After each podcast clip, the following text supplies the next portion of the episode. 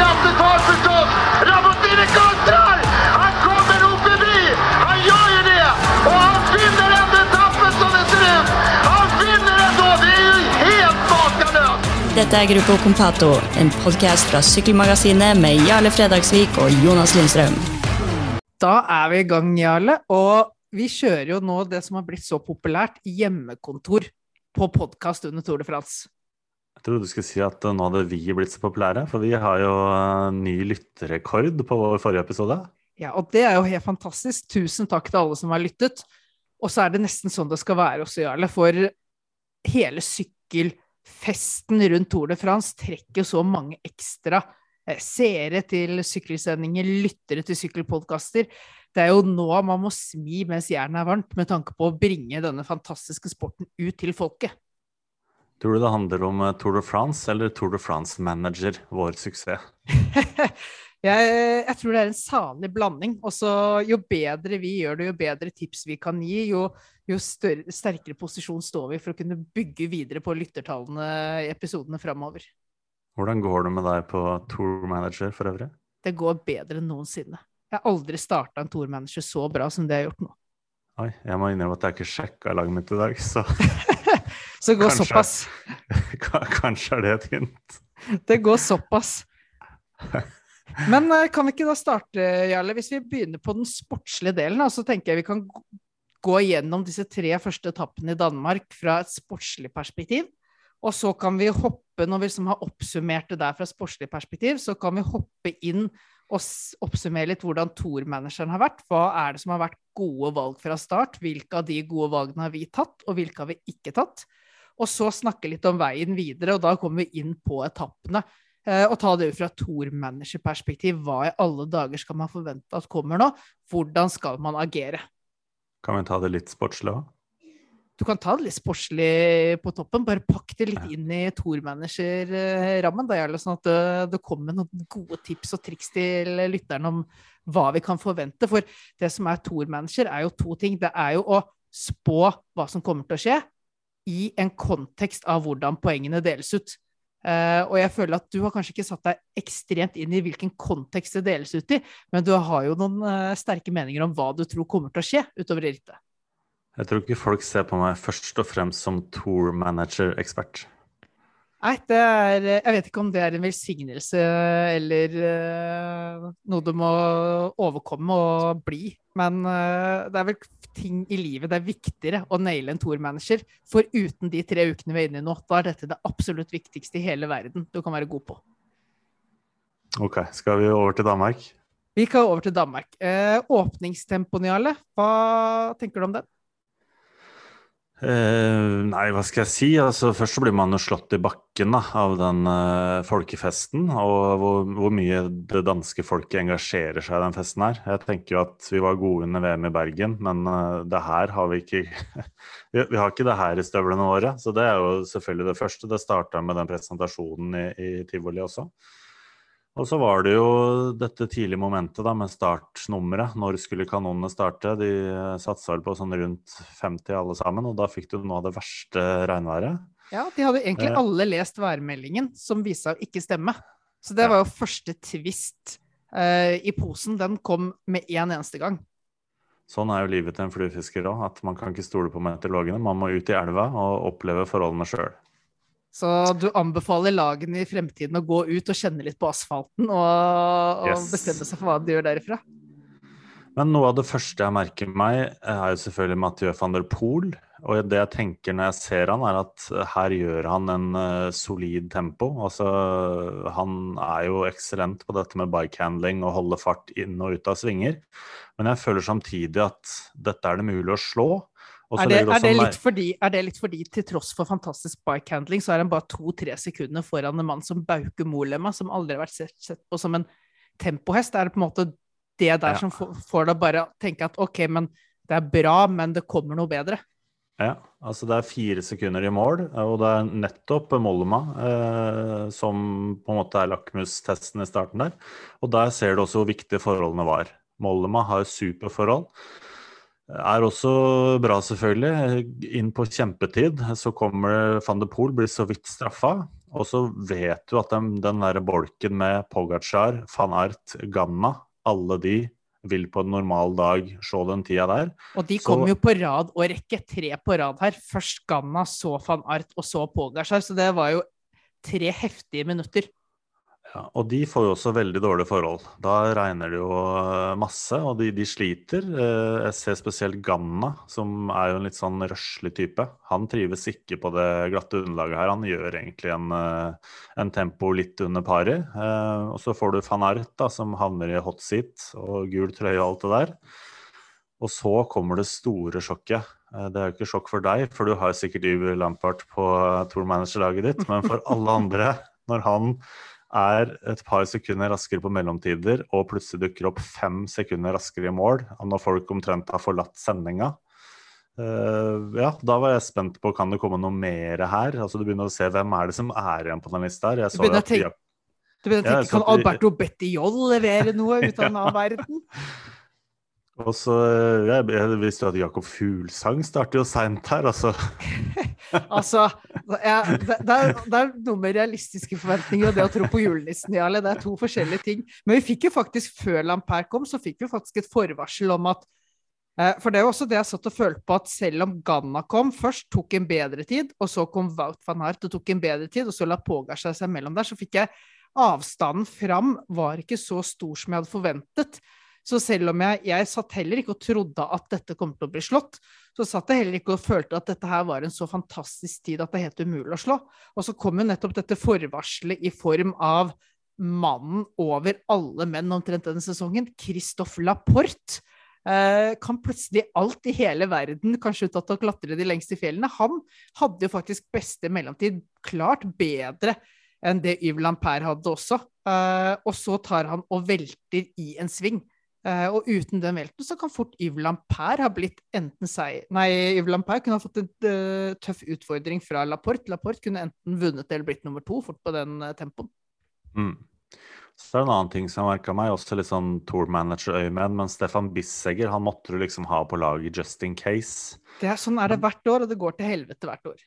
Ja, men det som jeg syns var greit der Jeg så et intervju med Jonathan Voters etterpå, og han sier at Bissegger eh, De prøvde eller de sa at du må ikke ta all risiko her i dag. Det, altså, det er glatt og sleipt der, det går an å safe.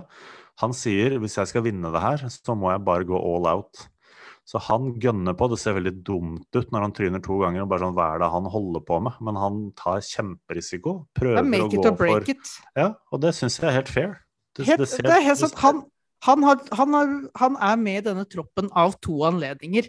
Der kommer en tempo på slutten, eh, og han vet nok mest trolig at en tempo på slutten av en treukerstor eh, er kanskje ikke helt ideelt for han. Eh, liker også litt kortere tempoer, så han vet at han har én kjempemulighet. Og det er ikke bare snakk om etappeseier, han kan få bonusen med gul trøye også. Eh, kanskje once in a lifetime opportunity for han på å få liksom i pose og sekk. Så at han gikk alt inn, som du sier, med, spesielt da i den herre eh, EF-drakten og med denne EF-hjelmen, så blir du senere litt ekstra ut som en klovn når du driver med både brystsvømming og crawl og butterfly og det meste bortover asfalten der. Men eh, jeg er enig med deg, Jarle. Eh, han gjorde et realt forsøk og skal ha for det. Er det bare jeg som ser en duvende penis når han eh, forflytter seg bortover asfalten? du er nok ikke den eneste som har vært inne på tanken. Og så, så av alle sånne her eh, erotiske bilder man kunne fått, så av den hjelmen, så tar vi vel eh, det meste erotiske nivået synker til null igjen straks du så den her nye specialized-løsningen med en sånn innebygd buff, hvor alle plutselig så ut som Ole Einar Bjørndalen på vei til eh, mål etter skiskytteren. Det var et merkelig skue å se på sommerstid. Jeg så for meg litt sånn ridder fra Life of Brian, ja, med litt sånn rustninger og Ja, det er ikke en dårlig sammenligning. Det Body armor, eller hva de kaller det for noe. Det er, helt, eh, det er et veldig godt bilde, Jarl. Så det var jo selvfølgelig en snakkis da fra denne åpningsetappen at det var så voldsomt eh, fokus på bling og fancy utstyr, og her skulle alt se ut som det var uh, nytesta i vindtunnel og vel så det. Og så kommer Yves Lampert som bruker Specialized. Eh, en bondesønn fra Belgia som driter i å bruke den nye hjelmen og bare dunker inn og slår alle. Eh, men vi var inne på noe, Jarle. Forholdene var spesielle. Det gjorde at folk var litt mer forsiktige, og man eh, så egentlig ikke de største tidsdifferensene. Men så snakket du, du så Gan, da du så Ganna kjørte, så snakket du om at du så at han var forsiktig og ukomfortabel. Eh, og det jeg tenker at blir forsterket da, med det været, er litt innstillingen som rytterne kommer til Tour de France med. Eh, så jeg brukte tempoen, så prøvde jeg å analysere litt for meg selv. Eh, hva er det jeg kunne se ut av kjørestil og kroppsspråk på rytterne under tempoen? Da? Er det noe der jeg kan lese? Eh, blant de store favorittene sammenlagt. Eh, og da får du, Jeg kan ta gjennom lista her, og så får du se Jarl, om du er enig eller uenig. Jeg har noe å tilføye her. Uh, Førstemann jeg så på, var Aleksandr Vlasov. Og han tar jo på en måte oppfyller eh, all stereotypi vi har om russere på området med kroppsspråk. Det var absolutt ingenting å lese ut av det. Det var kontrollert, ikke veldig forsiktig, men ikke verken aggressivt eller risiko i det hele tatt. Han var en av de som var der for å tape eh, ikke altfor mye, og fikk jobben gjort. Ta deg Pogacar, mannen som kommer til Tour de France som storfavoritt, vunnet to år på rad. Alle mener at dette er hans ritt å tape.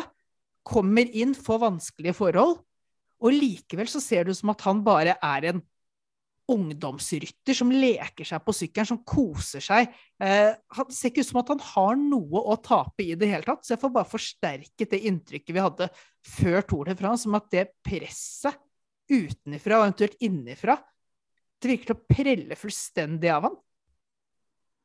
Eh, Primoz Roglic gir alt. Det er liksom stabilt, det er bra, det ser kraftfullt og kontrollert ut som det pleier på Roglic. Det er bare at den klokka den viser fem til ti sekunder dårligere tid enn det den har gjort de tidligere årene, når han har sett akkurat lik ut. Så jeg klarer ikke å se på kroppsspråket at noe har forandret med Roglish, men klokka viser at det er et eller annet der som lugger litt i maskineriet.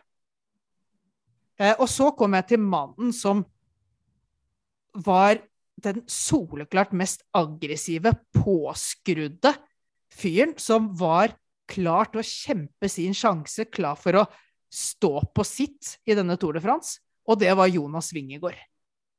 En ekstremt offensiv tempostilling, altså armene langt fram.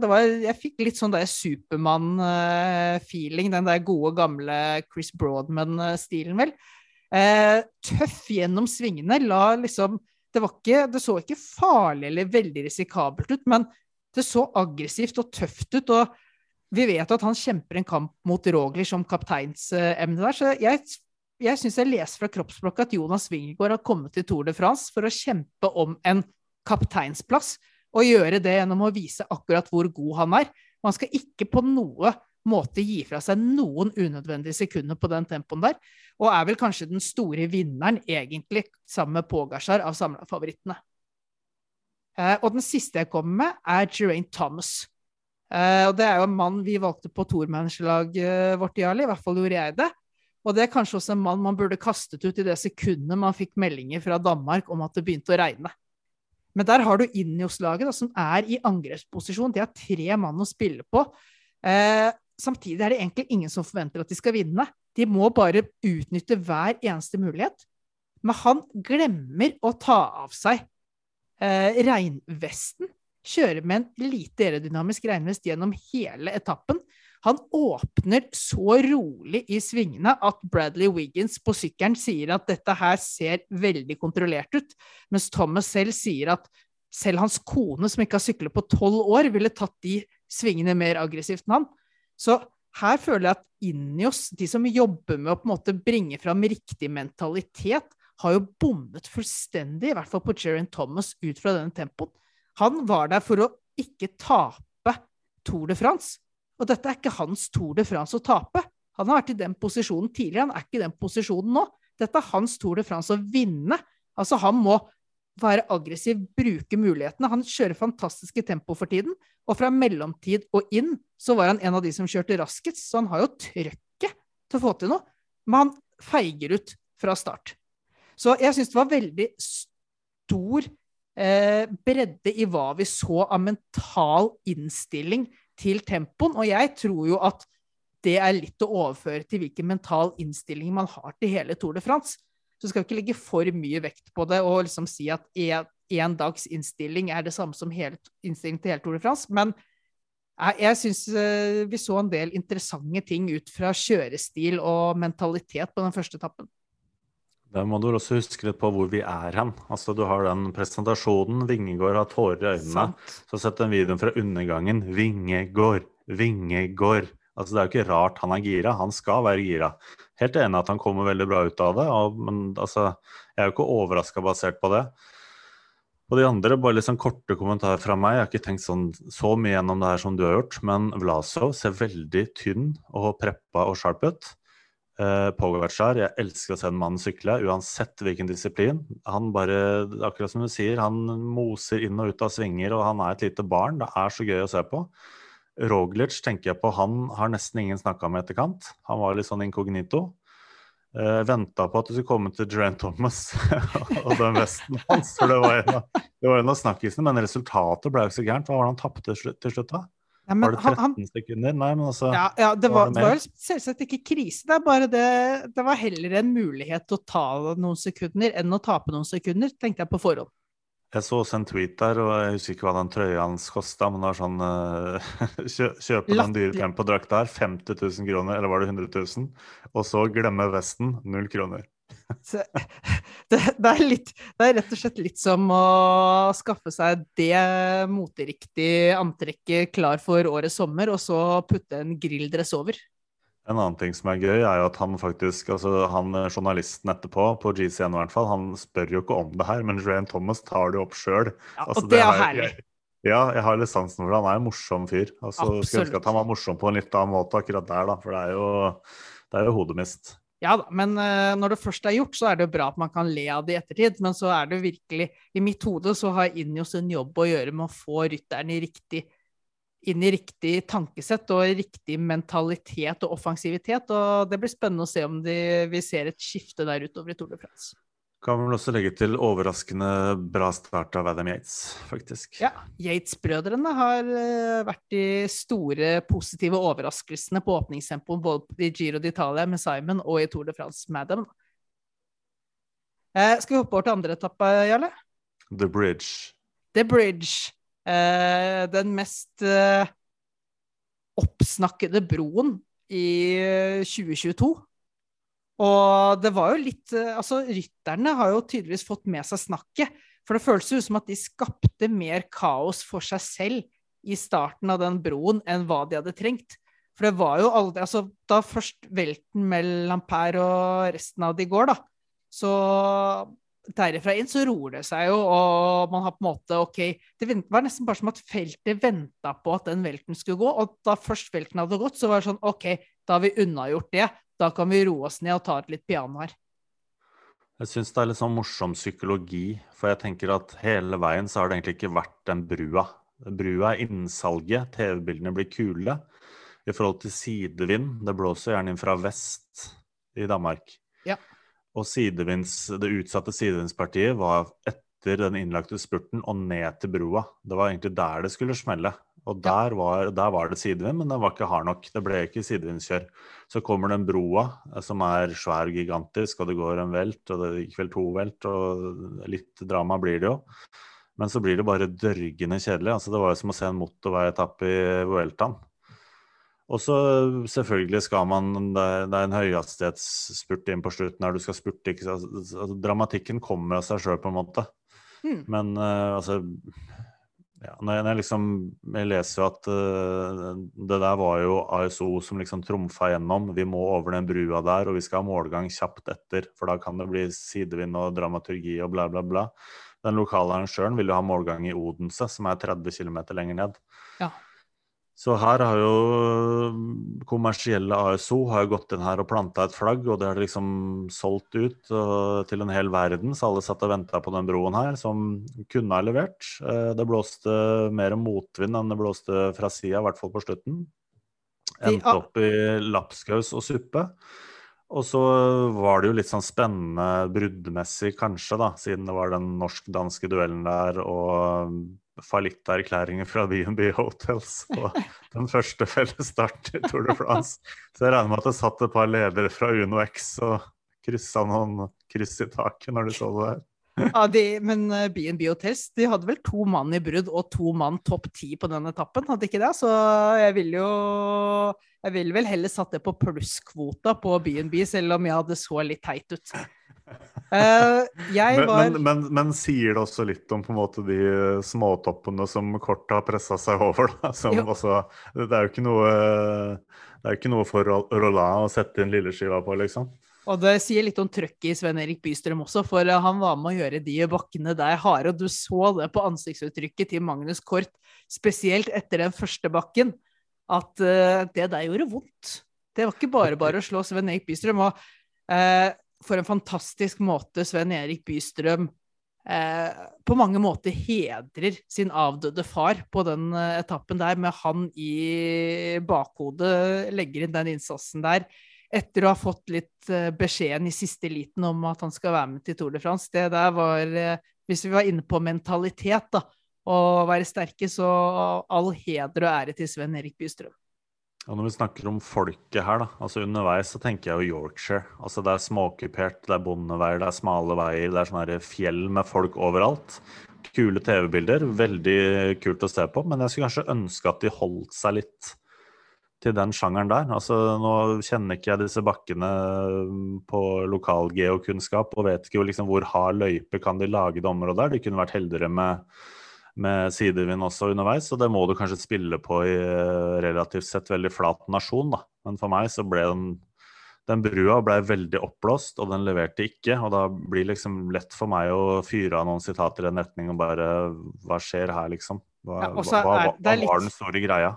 så syns jeg det er litt ubarmhjertig også å ha de første etappene i Tour de France, fordi du har et felt som ikke er slitent i det hele tatt. Det er verdens beste ryttere, eh, verdens beste spurtere med verdens beste spurteopptrekkere og hjelperyttere rundt, som er friske i beina. Det er vanskelig. Du må ha en veldig spektakulær løypeprofil i starten for å, for å skape litt blest rundt det. Og som du sier, uh, uten vind i Danmark uh, Og skulle det vært vind, så har du nesten Altså, syklisten er jo nesten syklet i en tunnel av mennesker gjennom tre dager, så det skulle jo nesten vært orkan for å blåse igjennom den folkemengden som har vært der. Det har jo vært en folkefest av en annen verden. Jeg kan jo ta med at jeg har jo aldri blitt så eh, skjelt ut og forsøkt fornærma på Twitter eh, som de siste to dagene, og det lever jeg helt fint med. De må gjerne skyte på meg, det er helt greit. Du er fjellape nummer én for tiden nå. Ja, og fredagspikk, har jeg skjønt. Men oh, ja. Jeg la ut en tweet hvor det står, uh, det er jo litt på spissen selvfølgelig, Danmark har så intetsigende terreng at det må legges inn en bro mot slutten av dagen for at ASO skal gidde å legge tornet dit. Det er jo en strak venstre, men ja. jeg syns jo det er en Det ligger mye et, et, det, det, er jo mye riktig i det utsagnet òg. Det er et veldig ærlig utsagn, men det det. alle mener jo at uh, nå rakker ned på Danmark og den danske folkefesten og bla, bla, bla. Men her, det, er jo viktig å skille på hva som er det sportslige, og hva som er det rent uh, rammemessige. Uh, ja. For du har, du har ikke klaget på rammene rundt, det regner jeg med at du er enig i at det er noe av de råeste rammene vi har sett. Men sånn var det jo litt da vi hadde VM i København. Det var jo fine rammer som et dansk folk som bryr seg, men det var jo en piss kjedelig løype. Uh, ja, de klarte å arrangere VM uten å gå konkurs, det klarte vi ikke i Norge, men det var jo forferdelig ritt. Det er jo det verste VM-rittet jeg har sett. Og, så sånn sett, det er ikke alltid uh, Sykkelritt i Danmark er alltid en fest for folket, ikke alltid en fest for sykkeløyene. Ja, da hadde jeg faktisk i notatene mine den den med København og Cavendish. Ja, var, altså, vi er samstemte, alle. Det er derfor vi lager podkast sammen. Men, Men altså, kan... vi, må jo ta, vi må ta litt om uh, slutten her også, for det munner jo ut i en uh, massespurt, det har vi jo skjønt. Og der går det også en ganske stor velt. Uh, nå har ikke jeg helt oversikt over hvem som ble dratt inn der eller ikke. Men én ting som jeg reagerte på, da var jeg sint når jeg skrev det på Twitter, det var han Simmermann på Vanti. Kan vi vennligst fjerne han fra det opptrekket? Var det han som slo ut der? Det var ikke Adrian Petit?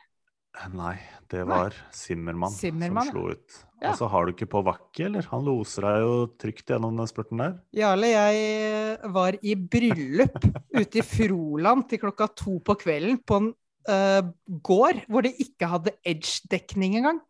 Uh, dro, satt meg i bilen, kjørte hjemover mot Oslo i drøyt to-tiden. Uh, halv fem så sto jeg på Circle K eh, utenfor Horten et sted og ladet, og så de siste ti kilometerne på mobilen. Det var sånn jeg opplevde andre etappe. Altså det jeg må si, Han sitter jo på helt feil utførsling. Han har jo altfor eh, lette gir og sitter der og tråkker og ser ut som en idiot. Stilmessig er det helt katastrofe. Og så plutselig bare slenger han seg ut til ene siden. Holder på å dra med seg fire-fem folk. Og vi er fortsatt sånn jeg vet ikke, fem-seks kilometer unna målet eller noe sånt. Men det er bare bort med den mannen til fordel for folk som veit hva opptrekk dreier seg om. Og så kan det godt hende at de hadde mista appetitt i den velten. da. Så han måtte inn og gjøre en Ja. jobb. Men altså, det var, det var så grusomt, det korte, lille momentet som Det- han, Det han viser, viste også, der. der. det viser også hvilken kunst det er å faktisk kjøre et opptrekk.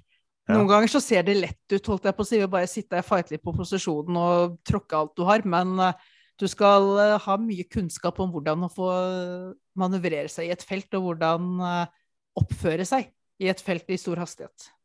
og apropos det, så må jeg dele ut en annen lusing til Peter Sagan. Nå begynner han å bli en fryktelig gammel, bitter, sur eh, slovakisk mann. Altså, han holder på å, å ta ned seks konkurrenter han, i den spurten der, før han ender opp eh, skulder eh, mot skulder med Fabio Jacobsen, som heldigvis står imot. Bare dytter han unna. Da- da gasser får han- forbi han inn Da får han passet sitt påskrevet. Ja, fra Fabio Sagan. Jacobsen, som nesten mista livet i massespurt i, i Polen rundt. Eh, Men altså, Peter Sagan, hva er det han holder på med? Altså, Han eh, har jeg merka meg i, i mange år, men jeg syns bare han blir styggere og styggere i de duellene der. Så Ja, det er mange her, som har vært inne på det at man, han får mye skryt for hvordan han plasserer seg i spurten. og Det er på en måte sånn han har vunnet mange grønne trøyer. da. Har ikke vunnet de flate spurtetappen. har alltid vært der tre-fire. eh, Gjerne uten et ordentlig opptrekk rundt seg. Han trives jo best uten det. Men uh, noen har vært inne på at uh, ja, det at han alltid plasserer seg bra, er kanskje ikke kun pga. gode egenskaper, men fordi han har i vel i overkant spisse albuer. Og Edvald Baasen Hagen er vel en av de som har uh, støtt på det og ikke ikke likt hva han har fått servert. ja, det snakker vi ikke om lenger, da, for det er en av kamerater. Men jeg tror også, for bare for å ta det, det står jo faktisk i, i boka som jeg har skrevet, hvor, uh, hvor det kommer litt fram at uh, det var vel etter en eh, Paris-Roubais-etappe i Tour de France, det var vel da i 2018, hvor Edvald følte at han ble pressa ut i grøfta av Sagan. Da gikk han bort til han etterpå og tok et oppgjør med kjørestilen hans. Og det tror jeg Sagan responderte Altså det ble kjefting først, men Edvald følte at han fikk mer, eh, mer respekt i etterkant. Men jeg syns det er litt komisk, sånn, nå hopper jeg litt på etapper her, men i dag så er han oppe med armen og bare Øy! Liksom skriker fordi Wout van Ert lukker en liten uh, luke på høyresida på oppløpet der. Men det Sagan holder på med, er veldig mye styggere og mye farligere. Så er det greit at han har fysikk og prøver å nyttiggjøre seg av det på oppløpet, men eh, det kommer til å gå veldig gærent en dag, det har vi sett før også. Eh, og jeg tror det der uh, Edvald og irritasjonen der stammer litt fra duellen han hadde med Cavendish, hvor eh, Cavendish ble dytta ut med sperregjerde og, og Sagaen Sagan ble sendt ut. Og det var mange som mente at det var feil i etterkant, men eh, jeg syns det var greit. ja. Hvis det er som i fotball, hvor du kan akkumulere deg opp til kort, så har vel Sagan gjennom karrieren i hvert fall akkumulert seg opp til den utestengelsen han fikk på Cavendish det året, da. Ja. Det Kan var jo noen som snakka rett etterpå at eh, Fabio Jacobsen også, de burde se på hva han gjorde med Sagaen. Men altså, hvis du ser hele den sekvensen, så er det fem gule kort på Sagaen, og så er det ett på Jacobsen. Og det er egentlig bare for å stoppe videre, videre bank. Eh, kan vi avslutte etappen med andre etappen med dette her, da, Jarle? Eh, vinner Fabio Jacobsen. Du var inne på denne krasjen i Polen rundt eh, i 2020. Tilbake og vinner etappe i Tour de France. Og bare hør denne smørbrødlista her, Jarle.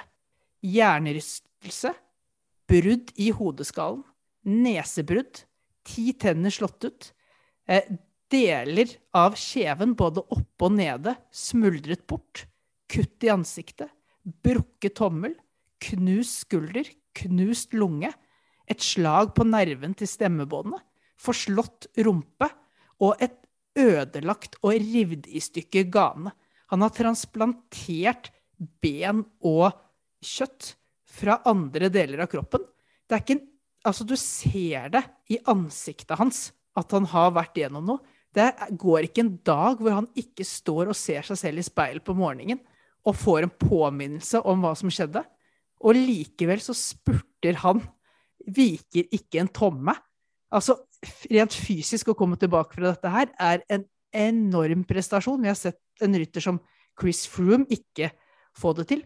Men mentalt eh, Altså, enten så er det noe i det topplokket der eh, man kan lære enormt av, ellers er det ingenting oppi det topplokket der. Det må jo være én av to. Det er en helt hinsides eh, prestasjon som eh, jeg tror ingen av oss noensinne kommer til å forstå omfanget av, fordi vi er heldige nok til at vi aldri kommer til å oppleve eh, en ulykke så ille som det der.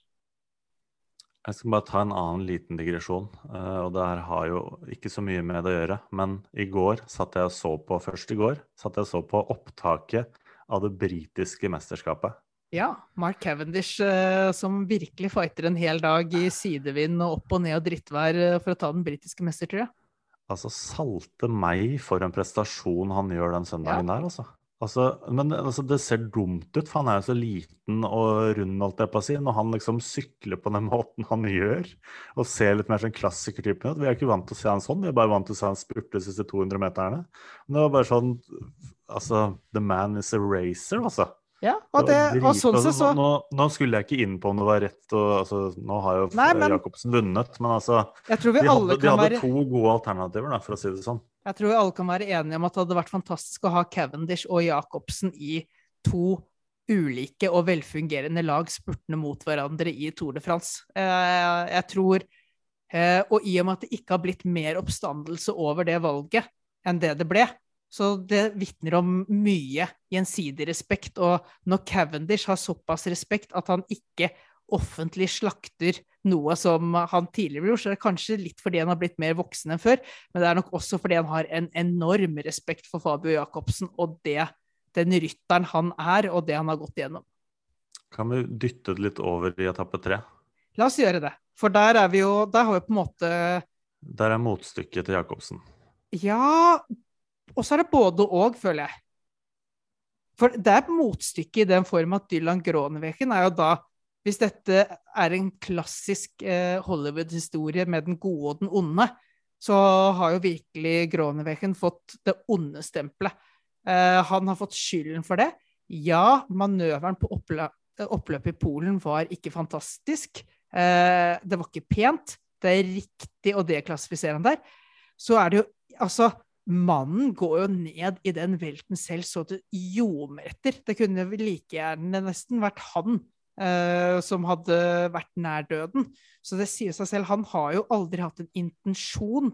Eh, og de, i de fleste andre tilfeller hadde arrangør UCI lagt forholdene til rette med en eh, risikoprofil på oppløpet som var innafor det som er OK, med sikkerhetsbarrierer og tiltak som gjør det tryggest mulig, så hadde ikke Groneveken altså han, har han har også fått så ekstremt mye skyld, for han har fått fullstendig skylda for resultatet av utfallet, mens han burde få skylda for at det ble en krasj, og så burde resultatet av den krasjen, hvor ille det gikk, det er en skyld som først og fremst ligger på arrangør, UCI og sikkerhetsopplegget rundt.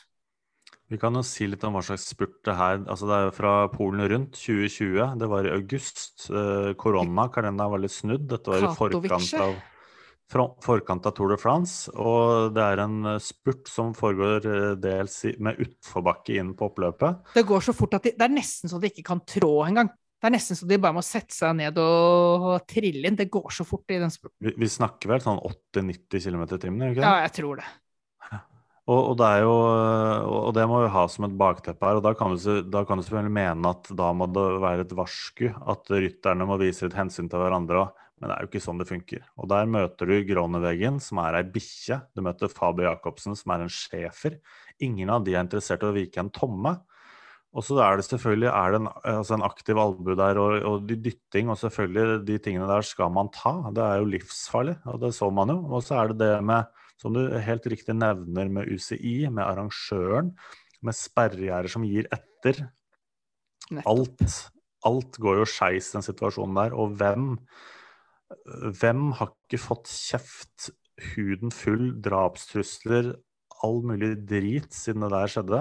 Selvfølgelig Grønnevegen. Jeg hørte et intervju med Robin McEwan i dag, som hadde guida han litt og, og hatt en del samtaler med han, og fortalt liksom mentalt da, hvordan du måtte bygge opp han igjen fra starten.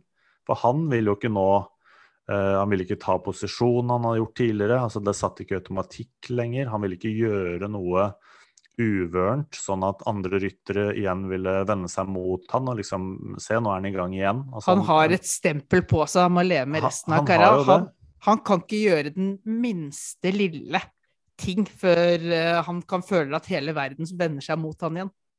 Og så har du Peter Sagan som har seks sånne dueller bare på etappe to. Du har Mark Cavendish i Harrogate som tar det rommet som ikke er der, og sender uh, Gerrans i asfalten så det synger etter. Altså hva hvis det hadde skjedd noe med Gerrans der? Så det her skjer jo. Og det, det er jo liksom, men- du kan dra en lignelse til Formel 1 her, da, Jølle. At uh, du ser jo hvilke sikkerhetstiltak de har satt inn i Formel 1. Og det er fordi de forstår at hvis du skal ha verdens beste racerførere til å kjempe side om side, så det holder ikke å si 'ikke verne av hverandre'. De kommer alltid, Sånne racer kommer alltid til å nær hverandre. Spurter i eh, sykkel kommer alltid til å nær hverandre. Vi må bare legge til rette for at de gangene det går gærent, for det kommer til å gå gærent, så må konsekvens, så må for, uh, alle forhold rundt ligge til rette for at konsekvensene skal bli så lite ille som øh, det kan få blitt. Og så er også Grønneveggen en litt sånn brat fra Amsterdam, da. Altså litt sånn Rafael van de Fart, eh, litt sånn arrogant nederlender. Så han, han er liksom der framme med kassa og her er dama mi, hun er undertøysmodell, og så det er litt sånn Hollywood-style på han. Så han har jo et image. Og han er ikke en, han er ikke en pusekatt, men han er også en Han har Et kommet ned på jorda. Han har Han har, kommet han har nok kommet ned på jorda, ja. Ja, det Det var er jo- øh, Jeg vet ikke om å få bakkekontakt er øh, et passende begrep etter øh, å ha sett resultatet i den spurten, men eh, bare sett i lys, da, eh, i perspektiv av det som skjedde i 2020 Mm. Eh, det gikk ikke med menneskeliv der. eh, og jeg er veldig glad for at det ikke gikk med karrierer der heller. For det kunne eh, At det ikke gikk med menneskeliv fysisk, og at det ikke gjorde det psykisk i ettertid også. Eh, sett i det perspektivet så er det, syns jeg i hvert fall at det er veldig fint å se Fabio Jacobsen og Dylan Gronewegen få hver sin etappe i årets Tour de France. Det er uh, i, I mitt uh, hode så er det en happy ending. Hvis det er lov å si. Jeg har prøvd meg med en liten spurtanalyse. Jeg vet at det egentlig er ditt felt, Jonas. Lar du meg slippe til litt? Gå på. Gå på. Eh, Det er jo selvfølgelig Vi ser jo litt etter norske lissepasninger når vi eh, går gjennom eh, Tour de France-etappene. Og, og det er jo ikke amen, og amen. Vi er jo ikke bortskjemt med etappeseiere, så hvis vi har nordmenn som bidrar, så er jo det et fint punkt å stoppe opp ved. Og da ble jeg litt hjulpet, hjulpet av Greg Henderson, som la ut rosende ord om Amund på Twitter. Hei, hadde du ikke lest jeg- mine rosenord først? Nei, altså jeg har hatt fem unger her i dag, jeg, minst, og har eh, sett på litt sånn innimellom. Måtte gå tilbake og kikke litt i sysaken her. Og det jeg merker meg, da, 1,3 km igjen. Dylan Grønneveggen har 22 ryttere foran seg. Det er lang vei å gå. Han ligger først av Bike Exchange-rytterne, men har fire stykker plassert like bak, eller i området rett bak. Og så, 100 meter senere, så åpner det seg en luke mellom to BNB-ryttere. Og det rommet der angriper Amund Grøndahl Hansen. Og ifølge intervjuet han gjorde med TV 2, så tror jeg da Jack Bauer eller noe sånt hadde skreket 'Der er det plass, der er det plass', som eh, Amund hadde fått med seg. Nice. Kikker seg bakover, ser at smultbollet er på hjulet hans. Det er han. Så gir han alt han har for å kjøre spurteren sin fram. Og da Egentlig til, er det egentlig til vinnerposisjon foran den siste avgjørende svingen. Altså De vet at skal Grønvang ha en sjanse til å vinne, så må han være godt plassert inn mot den siste svingen. Så har jeg stoppa det med 850 meter igjen. Da er det Laporte, Jacobsen, Senechal, Mørkøv, Petit og Grønne alliansen som er foran Grønnevegen. så da er han nummer sju. Sagaen og Kristoff er like bak, og Grønn alliansen begynner å fade litt i tempo. Han er på en måte ferdig med, med draget sitt når de begynner å gå inn i svingen der. Han har kjørt spurt inn til den svingen, han, og da har han eh, tatt Groneveken fra en litt håpløs posisjon, egenhendig, fram til en posisjon hvor det er mulig å vinne. Og så hopper jeg litt i mitt fokus. Fordi Fabio Jacobsen sitter i pole position, egentlig, bak Seneschal og Mørkøv. Er vi da tilbake på det tidspunkt hvor Gråneveken ligger eh, 22 i feltet? Eh, nei. Nei, nei, det er den svingen. Eller oh, ja. det er på vei, Men- på vei men- inn i den svingen. Men jeg tror han ligger allerede når du spotter Gråneveken da, så har allerede da Quickstep tatt kontroll, og eh, Ja. Ligger i fjerde-femte posisjon, så han ligger allerede der til å få det servert. Han sitter på hjulet til Mørkøv, og de er jo først. Han har jo han har Mørkøv og Seneschal foran seg. Eh, og et par andre. Men det som han gjør, er at han tar den svingen jævlig dårlig, sammen med Adrian Petit. Yes. Og i motsetning til Petit, så er Jacobsen nødt til å bremse ned. Ja, Og det han åpner, det åpner en kjempeluke eh, ned fra Seneschal og Mørkøv, og det er Sagaen som gjør en god sving, som tar hjulet til Mørkøv, som ligger veldig godt an. Grønneveggen gjør også en bedre sving og tar posisjonen mellom Petit og Jacobsen. Mm. Og så fortsetter, Grønne, nei, så fortsetter Jacobsen å miste tre, fire, fem plasseringer fordi han var nødt til å bremse ned, og det kommer ryttere bakfra eh, i høyere hastighet. Og Seneschal og Mørke de tror de har Jacobsen på bakhjulet sitt, men det ja, har de ikke. de stoler blindt på det. Du er jo nødt, du kan ikke stoppe opp med 800 meter til mål og ta en vareopptelling, og så gå videre. Da er det huet ned og gjøre jobben. Og bak der sitter også Kristoff ganske godt plassert, men på motsatt side av Petit, så han har ikke kontakt med opptrekkeren sin. Ja. Og så vet vi hvordan altså Jeg sitter og følger Jacobsen med blikket. Han prøver å gå inn i sperregjerdet, der er det ikke noe plass. Han prøver å gå på andre siden. altså Han, han har så mye ryttere foran seg, så han er helt sperra. Så Jacobsen kommer aldri fram. Eh, når du ser på helikopterbildet etterpå, eh, Grøneveggen sitter eh, ved siden av Alexander Kristoff. Han leter også etter en eh, åpning. Så er det en eller annen som går til foran han, jeg husker ikke hvem det er. Eh, men ved et sånt trylleslag helt på slutten der, så åpner seg en luke mellom Jasper Philipsen og Wout van Ert. Ene grunnen til det er fordi van Ert skjærer litt inn mot sperregjerdet for å dekke luka til Peter Sagan. Andre grunnen til det er at Laporte er ferdig med sitt opptrekk og faller seg tilbake. Og den luka, det rommet han etterlater seg, der peiler Grønneveggen seg inn og klarer akkurat å time den siste akselerasjonen og akkurat bryte målstreken foran de andre. En annen ting jeg ser der, er jo det, den, det jeg nevnte med Alexander Kristoff, som faktisk har god posisjon. Han har Sagan, van Ert, Laporte og Mørke foran seg. Men han har ikke noe sprut i det hele tatt når han går til. Uh, han ble også litt hindra av at Mørkhaug kommer i retur, men at han ender på ellevteplass fra den posisjonen der, Kristoff og Mats Pedersen er det vel som lider litt av uh, å falle i banen til Mørkø som kommer i retur der. Ja, men den, den går det an å, å takle, så jeg føler ikke at det ødelegger så veldig mye. Men det er veldig, jeg syns det er veldig interessant at faktisk Grøneveggen og Alex sitter side om side. Og så blir han ene med elleve, den andre vinner. Eh, kan jeg på, dra frem et annet poeng med denne spurten, Jarle? For uh, du, Du har du vel sett litt på det, du òg? Har sett litt på det, òg, Og du var veldig Jeg er helt enig med at det Amund gjør der, er så fantastisk. Han tar Groneveggen fram, og så er det fortsatt mye arbeid for han, men han har satt han i en posisjon hvor det er opp til han. Han har gitt han en sjanse. Eh, så er det en rytter som har fått ganske lite ut av de første to spurtene, eh, men spurtet veldig bra. Jasper Philipsen. Den spurten han leverer på tredjeetappen her, er helt enorm.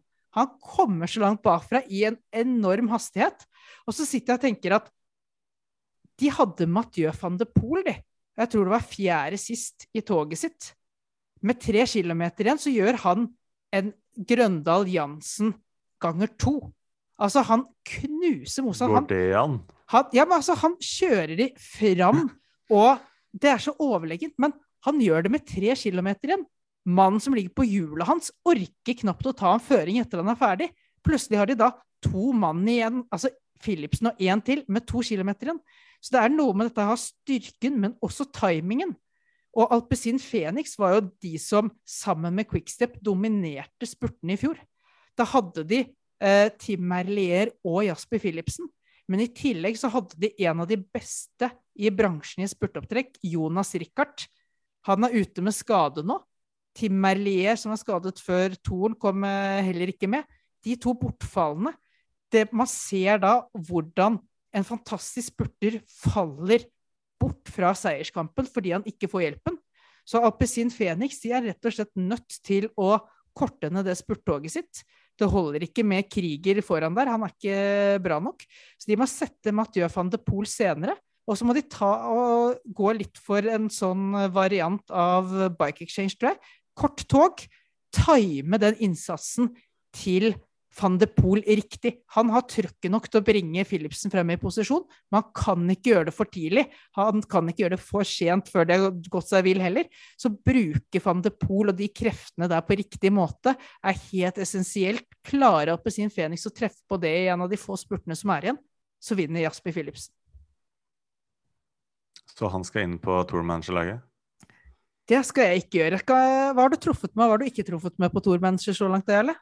Jeg har bare et par ting til jeg vil si om Grønneveggen mens jeg okay. har han på, på asjetten min. Altså Det ene er jo at, og det gjaldt jo flere, jeg har ikke full oversikt over alt som skjedde på slutten her, men jeg vet at Grønneveggen var jo den velten sammen med sikkert noen lagkamerater som gikk 10 km fra mål. Ja. Så de var jo veldig disorganized, sikkert som en del andre opptrekk eh, på veien der. Og det er jo grunnen til at uh, Bike Exchange ikke hadde fasong uh, før vi havna inn i spurten der. Og, var, både Matthews og Meskers hadde vel mest trolig brukt litt krefter på å kjøre opp igjen Groneveken der. Og da, altså det, det, rammer jo aldri de som ligger helt foran, det er gjerne Quickstep og, og noen andre spurter. ikke sant? Men å mm. da stikke unna med etappeseieren er jo helt rått, med det, det stressende utgangsposisjonen da, og den manøveren som Amund tar uh, på slutten der. Og så er det jo også noe med oppladninga til Grønveggen. da. For vi satt jo og så på kriterium du Dauphiné, hvor, han, hvor de jobba og jobba og jobba for han. Han falt av, han falt av, han falt av. han falt av. Mange sitter jo og ler av han der. Ja, der var uh, Bike Exchange ganske, ganske, åpne på at han skulle få smake på fjell. Han skulle få kjenne hvor tøft det her var. De visste at det ville være en vanskelig rute for han, men han pinte seg gjennom det. Uh, og var jo også innom Slovenia før han skulle til Tour de France. Der vant han en tappeseier, så da fikk han en liten bekreftelse. Men jeg, tenker at det også er et moment i uh, opptakten til Tour de France denne gangen. Han satt vi og lo av, eller i hvert fall noen, under kriterium til Dauphiné. Nå, nå, har han en, uh, nå har han en etappeseier. Når begynte Bike Exchange å kjøpe konsulenttimer av Stein Ørn? Dette her høres ut som klassisk Stein Ørn Alexander Kristoff-opplegg i forkant av Store ja. hovedmål. Mest mulig juling, så kommer formen. Ja. Da er jeg ferdig med grønnveggen. Da er du ferdig med grønnveggen. Eh, antall poeng og posisjonen din i Tour Manager etter eh, tre etapper, Jarle?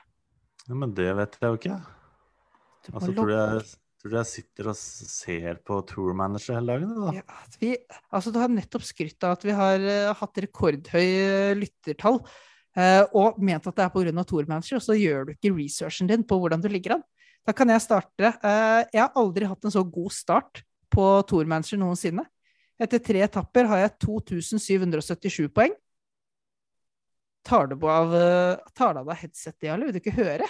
Eh, ligger på 241.-plass.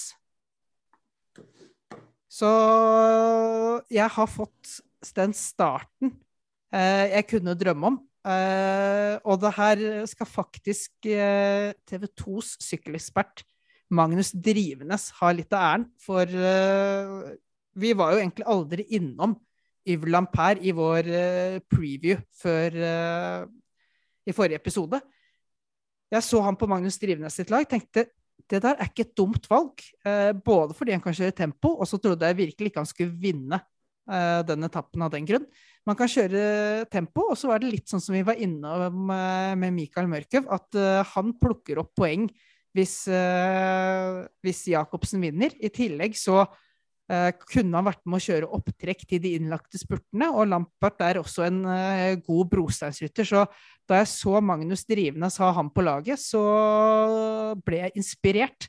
Og det viste seg å være eh, det beste man kunne ha. For eh, etter Wout van Hart så er jo det mannen som har tatt mest poeng så langt i år.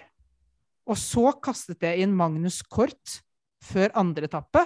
Og her kan du følge med, Jarle, for her kommer jo da denne kunnskapen om eh, hva slags eh, innrammingen til spillet.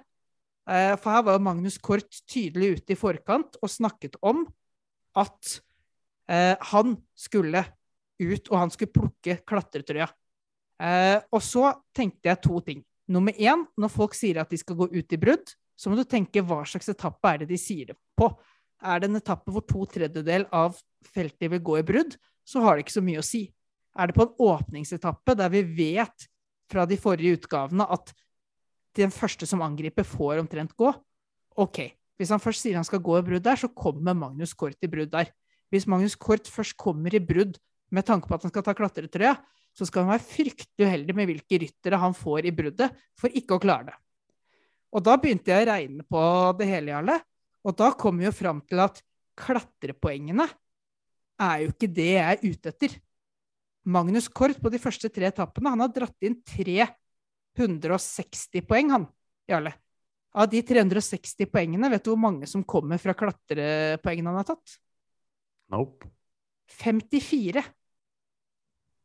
Det jeg var på jakt etter, var poeng på innlagte spurter. Da får du jo 20 poeng ganger 3, altså 60 poeng hvis han er først over.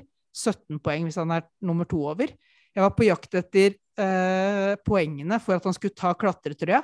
Det er 60 poeng i seg selv. Og så hadde jeg et lite håp om at han kanskje skulle få mest offensive rytter, noe han fikk på etappen etter, da. Eh, og det var jo ytterligere 75 poeng. Eh, og da er det, så du også på profilene, så var det sånn tre fjerdekategorier på dag to og tre fjerdekategorier på dag tre. Så det betyr, betyr jo egentlig at hvis han først lyktes med å komme seg i brudd og ta klatretrøya på dag to, så var, han, eh, var det garantert at han kom til å være med på dag tre også.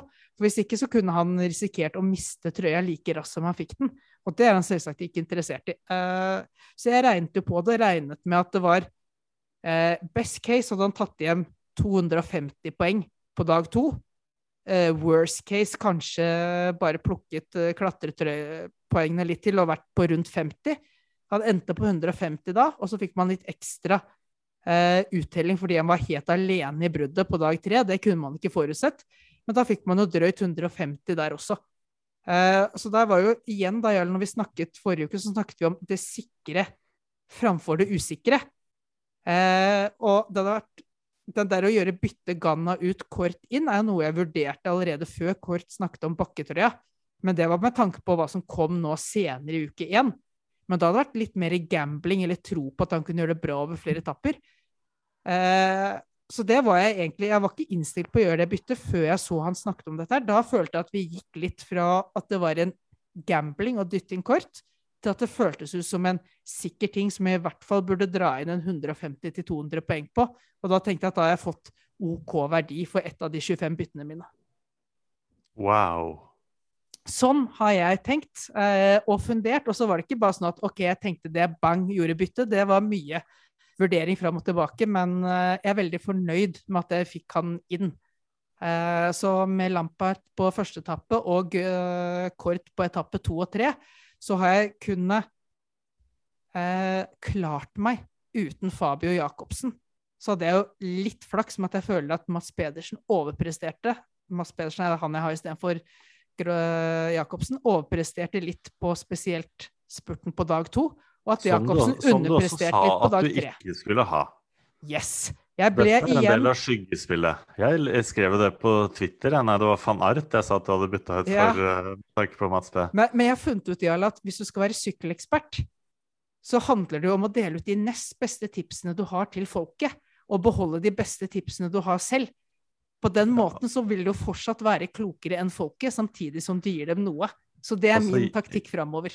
Jeg spiller jo ikke det her så nerdete som du gjør, men det som irriterte meg litt etter tempoen, da, det var jo at jeg hadde jo dratt inn Ganna og Bissiger, som er temporyttere, altså basically, og begge de flopper i min verden. Altså Ganna skulle jo vinne, det klarte han ikke. Bissiger så ut som en fisk på land. Og så er det skal jeg nå gidde å gå videre med de, eller er det teit å begynne å bytte allerede? Og jeg tenker at jeg gidder ikke å begynne å bytte nå, men jeg vet jo at de gir meg jo ikke noe. Altså, ved et trylleslag så får Ganna gå for uh, Han får jo ikke det, men altså Robé-etappen Jeg kunne også tenkt sånn med, med Stefan Kung, da. Som også Absolutt. gjorde en forferdelig dårlig tempo, når, når, det er sagt. Ja, Men da er man igjen på at man begynner å gamble på enkeltetapper istedenfor å spille litt mer uh, Et litt lengre perspektiv. Og det er det også jeg tenkte med Kort, at hvis han først får klatretrøya, så vet man aldri hvor lenge han biter seg fast der. Du vet aldri hvor mange brudd han havner i starten for å forsvare den. Så det er derfor jeg også tenkte at uh, det her er en mulig poengkilde over tid. Uh, og så var jo egentlig utgangspunktet mitt av tanken at jeg kunne gjerne tenke meg å gå enda lavere ned i pris på temporytteren for å få inn Jacobsen. Altså to bytter der, ut Pedersen etter tempoen og ut med Ganna, inn med en billig tempo og inn med Jacobsen. Eh, men da Kort uttalte seg så tydelig som han gjorde, og jeg la sammen logikken, så, så var det der eh, Da måtte jeg ta det istedenfor. Så måtte jeg heller gamble litt da, på at Pedersen ikke tapte altfor mye til Jacobsen.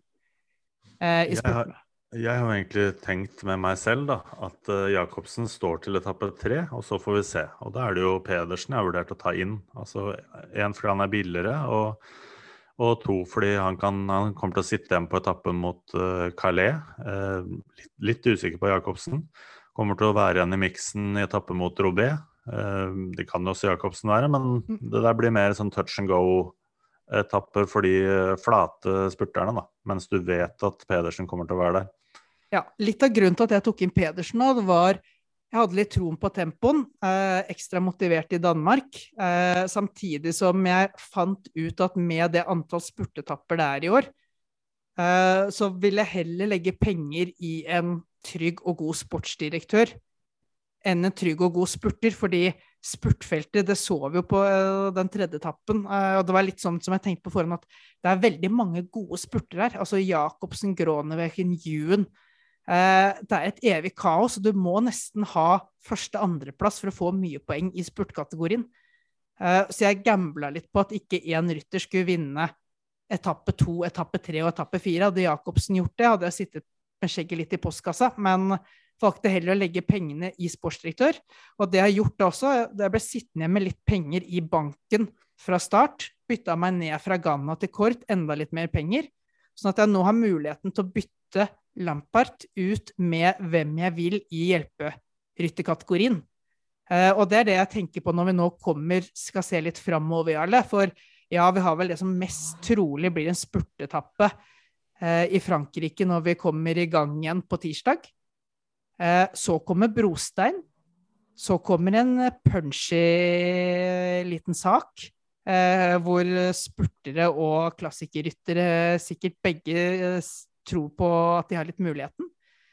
Eh, og så kommer litt Planche de Belfi og Lausanne-etappen med litt sånn uh, halvseig avslutning som også lukter klassiker. At da begynner det plutselig ryttere som Lennart Kemna, Matei Mohoric og ikke minst Michael Matthews å bli veldig aktuelle. Så å ha muligheten til å kunne få inn noen av de ved kun å gjøre ett bytte, istedenfor å måtte bytte ned tidligere. Da har jeg på en måte allerede samlet opp de pengene for igjen å spare meg på altfor mange bytter.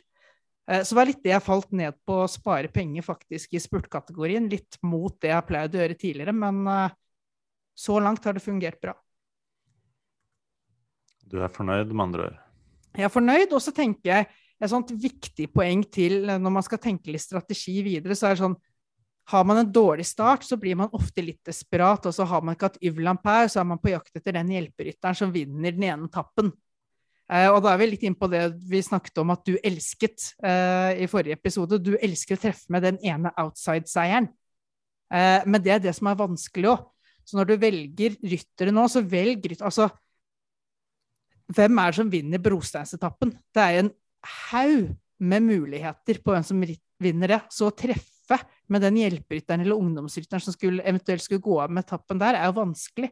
Hvis du ser den, altså hvem er god på brostein, og hvem er god på punch i avslutninger, så har du plutselig tre etapper da, eh, i løpet av den uka som eh, vi er inne i, hvor eh, du har mulighet til å levere. Og da kanskje lykkes den rytteren på én eller to av de etappene. Men se litt perspektiv. Sørg for å hente inn ryttere som er mer enn en eh, one hit wonder, da, som må treffe på den ene muligheten sin. Se litt de som har to-tre gode muligheter, og forvente at de klarer å lykkes på én eller to av de. Og da tenker jeg f.eks. en mann som Michael Matthews er uh, høyaktuell i mine øyne. Jeg merker at du er hakket mer gira på managerdelen av det enn eh, jeg er. Altså jeg, eh, nå er jeg litt mer sånn rittmodus. Ja, og hvor Jeg, er jeg, kan- jeg kan jo snakke litt om etappene, og ut fra det som jeg forteller, så kan du tenke litt på, på hvilke ryttere du mener at kan passe inn til det her. Eh, altså, nå er det jo hviledag i morgen, der eh, for journalistene så skal de jo Var det noen som sa 900 km i bil for at de skal komme, komme seg ned til Frankrike? Det er jo ganske sur eh, ekstraetappe. Eh, rytterne skal fly, selvfølgelig. Journalistene var det jeg tenkte på, hvis jeg sa feil. ja, journalister, Du Eh, sa journalister og karavanefolk, og alt, i, Ja. ut i bil. Så det er jo da på, på tirsdag så er det en etappe mellom Dunkerque og Calais. Eh, og her er vi inne på veiene som vanligvis bruker i firedagersrittet i Dunkerque. Ja. Det tror jeg ble vunnet av uh, Philip Gilbert i år, faktisk. Eh, Den første kategoriserte stigningen som dukker opp, er brosteinslagt. Er noe sånn, det er ikke noe sånn monster, altså. Men uh, så går det opp og ned nesten hele dagen. Ikke noe, Det er vel noe tre eller fire fjerdekategorier og en, en del bakker som ikke er kategorisert. Det er seks uh, kategoriserte stigninger, like mange som det Kort har vunnet så langt. Så med andre ord, gjør man matematikken, så må Kort prøve å komme seg i brudd for i hvert fall å henge med over den første fjerdekategorien etter tre mil. Så forvent Kort i et nytt brudd, men mest trolig ikke må ta like mye poeng som han har gjort på etappe to og tre. Og så er det fortsatt eh, det er såpass mye opp og ned og hit og dit at jeg eh, Altså, jeg tror det er noen, eh, noen spurtere som kan ryke av der, men en ting som er positivt for de, da, det er når ruta snur inn mot Calais på de siste fire milene. Altså, vi kjører den etappen her går vel litt fra Åssen blir det? Fra øst mot vest. Uh, og på slutten der så er rytterne helt ute ved havgapet, uh, og der er det vindeksponert så det synger etter. Men nå har jeg nettopp uh, sjekka værvarselet for Calais, og på mandag så var det åtte sekundmeter, mens på tirsdag så er det seks sekundmeter. Og den vinden flater bare mer og mer ut jo lenger utover dagen du kommer. Så jeg tror ikke det blir sidevindsdrama på etappe mot Calais. Vi skulle aldri hatt den hviledagen. Som ASO igjen eh, sikkert hadde håpa på. Og så er det en annen eh, etappe som jo er spennende. Det er jo den som går mot eh, Arnbergskogen og Robé. Og de første seks sektorene der eh, har ikke figurert, så vidt jeg vet, i Tour de France eller Paris-Roubais tidligere. Men disse har også vært med i Quatre jours de de Conquer... Nei, nå ble det helt feil. Quatre jours de Dunkerque. Okay. Ja, det, he, det heter jo uh, fire dager, selv om det var seks uh, dager i år. Så det er Ja, litt ja. Ja, det kan ikke forandre et godt navn bare fordi det ikke er dekkende for eh, hva riktig innholdet lenger. Og der ankommer vi også fra vest, og det gjør at vi kjører motsatt vei enn vi vanligvis pleier å gjøre. Eh, siste sektoren før Arnberg er Pont Gilbus, som er kalt opp etter Gilbert Duclos Lasalle. og det var også den som dukka opp i 2014. Og i 2010 for øvrig, da Hushovd vant. I 2014 så var det Lars Bom som vant, og han angrep, hvis du husker det derre Eh, litt sånn nedlagt undergang hvor det er noe graffiti mm. på sidene der. Eh, den er jo også med i, eh, i Paris-Roubais. Fire av de siste fem sektorene er med i Paris-Roubais. Vi skal ikke gjennom Arnbergskogen, vi skal ikke gjennom uh, Mont Saint-Pavel, vi skal ikke gjennom Carrefour de Larbre. Vi skal ikke ha verstingene. Vi skal ikke ha verstingene. Eh, Det første sektoren vi kommer til, det er elleve sektorer eh, og totalt eh, 19,4 km brostein. Den første er kalt opp etter Le Bison, som er Adrien Petit på Vantilaget. Kristoff og co. har vært på rekognosering i området med Petit som lokalkjent mann. Så han vet virkelig hva det her dreier seg om. Eh, Han har også uttalt seg til eh, Velo Magazine og sagt at eh, dette er ikke en veldig hard etappe. De kunne ha gjort den hardere ved å dra inn eh, Orchis eller dra inn Mons Empevel. De velger å gå utenom de partiene. Han ser for seg en gruppe på opptil 50 ryttere som kan komme til å spurte om seieren. Det er spennende informasjon. Så, Absolutt. så i, vi snakker jo touch and go her, ikke sant. Er dette for Mats Pedersen? Er dette for uh, Grønneveggen. Er det for Fabio? Altså, kan disse gutta være med? Virker som, ut fra det jeg eh, ser, da, at både etappen mot Calais og etappen mot Robé vil inneholde muligheter for ganske mange forskjellige typer ryttere. Ja. Og så er det den siste der mot Longvy. Den er jo betraktelig hardere. Eh, Den mener jeg var designa for en mann som Julia à la Philippe. For da er det to punchy bakker helt tett på hverandre opp mot mål, og så er det vel ikke Det er ikke ekstremt hardt at det flater litt ut den siste halvkilometeren med ned i sånn 4% stigning, om jeg husker rett, men eh, det er nok til å Hvis noen lag bestemmer seg, så kommer det til å bli hardt. og jeg ville ikke byttet inn en Dylan Groneveken for den etappen. Jeg holdt på å si Caleb Ewan nå, men Caleb Ewan har gått veldig bra i sånne korte, små punchy bakker tidligere år, så kanskje akkurat det der er etappen som Caleb Ewan har litt håp om, da. Selv om, eh, selv om det ikke er en eh, spurtetappe det lukter svidd av. Jeg tror i hvert fall jeg ville beholdt Mathieu van der Poel og Wout van Ert i det terrenget vi skal inn i. Ikke få de ut, mens eh, hvis du Når du sitter i Setter deg i eh, bilen til Bike Exchange, så tipper jeg at de bytter litt fokus eh, fra Arnberg-etappen. Så blir det et lite vendepunkt vekk fra Dylan Groneveken og over til Michael Matthews. Du spurte jo i stad om, eh, om hvordan jeg ligger an på Tour Manager. Ja, har du gravd deg langt nok ned i listene til å finne, finne deg sjøl? Det står at totale poeng er eh, 2061. Ja. Og ja, men da, det da ligger du omtrent én etappe bak meg, da. Du er på 3000? Jeg er på 2777. Ja. Og så ligger jeg på eh, 6082. plass.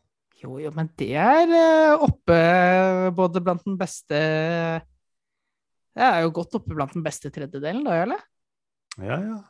Og det er jo en, et lag uten bytter, da. Så denne gutten kan jo briljere i dagene som kommer. Ja, og da tenker jeg det, det blir et viktig skille. Og så eh, en siste etappe jeg vil ta med i sånn Tour de France managerøyemed, eh, Jarle, er når vi kommer til eh, Planche de Belfi. Super Planche de Belfi på etappe sju. For da får du første klatreetappe. Eh, hvordan den ender, er jo vanskelig å si, men du har ti mil mer eller mindre flatt før du får to tredje kategorier, og så denne første kategorien på 7 km av 8,7% I mitt hode, her sitter mest trolig har Wout van Art fortsatt trøya. Han kan bli utfordret av en Mathieu van de Poel, eventuelt en ta deg på-versær på etappene før. Eh, Jeg blir overrasket hvis ikke en av de tre sitter med trøya etter de etappene. Eh, ingen av de forventer å holde trøya hvis det er samlet felt til La Planche de Belfi. Altså, jeg har mest vil tro at vi ikke har et lag i gul trøye som har eh, et behov for å kjøre inn et brudd. Eh, jeg kan ikke se for meg at eh, noen av lagene med sam største sammenlagtfavorittene har, har så lyst på den gule trøya til sjuende etappe at de setter seg fram. Så da er spørsmålet om, hvis man ikke har Vingegård eller Train Thomas eller Daniel Martinez eller Adam Yates, som kanskje er de beste sammenlagte rytterne i den kategorien, det er ikke sikkert at det er dagen å bytte de inn på. Eh, da må du i hvert fall gamble på at det kommer færre få folk da, fra bruddet som kommer i mål før dem. Det kan være en vel så grei dag å begynne å titte litt på hvem som skal i brudd. Skal en Victor Lafaye i brudd? Skal en Pierre eh, i brudd? Eh, for jeg tror at i den der klatrekategorien en Nelson Powles på temporytter, eh, en annen mann man kan begynne å tenke på litt da. Eh, for på den klatrekategorien, da, der tror jeg å kunne treffe riktig utover rittet med hvilke fjelletapper er det som blir sammenlagt favoritter. For da kommer Vingegård og Adam Yates og Daniel Martinez til å drasse inn poeng. Og hvilke blir mer bruddetapper for eh, Rolla og alle de andre, eh, kanskje Damiano Caruso etter hvert, eh, alle andre gode folk der. Eh, så jeg tror det der blir en veldig viktig avveining som folk må begynne å tenke på. Der kan det gå med en del bytter innad i den klatrekategorien, og da kan det være viktig å ha litt penger òg. Hvis du går da over til en billigere bruddvariant på Planche de Belfi, da, for eksempel, Eh, og så kommer du på etappe hvor du må ha sammenlagt rytterne i Vingegård og kanskje Adam Yates. Så må du ha pengene tilgjengelig. hvis ikke må, Du må ikke komme i en posisjon hvor du må bruke for mye bytte på å bare skaffe deg pengene. Så hele tiden tenk litt her hvor er det man kan hente pengene? Kan man stå med Mikael Mørkøv, som er billig på hjelperytter, eh, f.eks.? Hvordan ligger de innlagte spurtene? Kan han være med å få poeng der, så kanskje du ikke skal kaste bort han eh, for en klatrer. Eh, er det på ungdomsrytter i år, er det faktisk såpass lite interessant der at du kan gå ganske billig og finne noe ålreit der også. Vi var inne på Queen Simmons i forrige avsnitt. Eh, for å spare penger, eh, hva gjør du som, igjen da, hva gjør du med kapteinene? Skal du våge f.eks. å stå med en Louis Maintenance, som er billigstemann som jeg har hatt inne, og som leverte nesten topp 20 på tempo-Niale. Eh, overrasket positivt der. Eh, skal du heller kaste spare penger der fordi de bare får togangeren. Altså, begynn allerede nå å tenke litt rundt det, for jeg tror den klatrekategorien kan bli en nøkkel å treffe på når du kommer i fjellene. Og på de neste etappene nå når det begynner å bli litt punchy, så er det mer at vi snakker litt Mohoric, eventuelt en Lennart Kemna, Uh, se an hvordan Ruben Guerreiro er. Jeg vil ikke skamble på han nå, for han gikk eh, hardt i bakken over broen og har ikke sett ut til å hente seg inn, men ha han i bakhodet til senere på hjelperytter. Michael Matthews, som jeg har snakket om flere ganger nå. Uh, det er den type rytter jeg ville gått for først, og så ville jeg etter det begynt å flytte fokus mot klatrekategorien og gjort meg opp en liten strategi på fjelletappene fremover. Uh, hvilke type rytter, rett og slett. For du må bestemme deg for hvilken type rytter, og så må du finne den i best form av den type rytter og plukke ut på laget ditt. Så tenk litt hva slags type etapper er det du forventer å få når det blir kupert framover. En ting som jeg har tenkt på, mulig du har sagt allerede, men eh, er Kristoffer Christophe Laporte eh, årets Mikael Mørkhaug?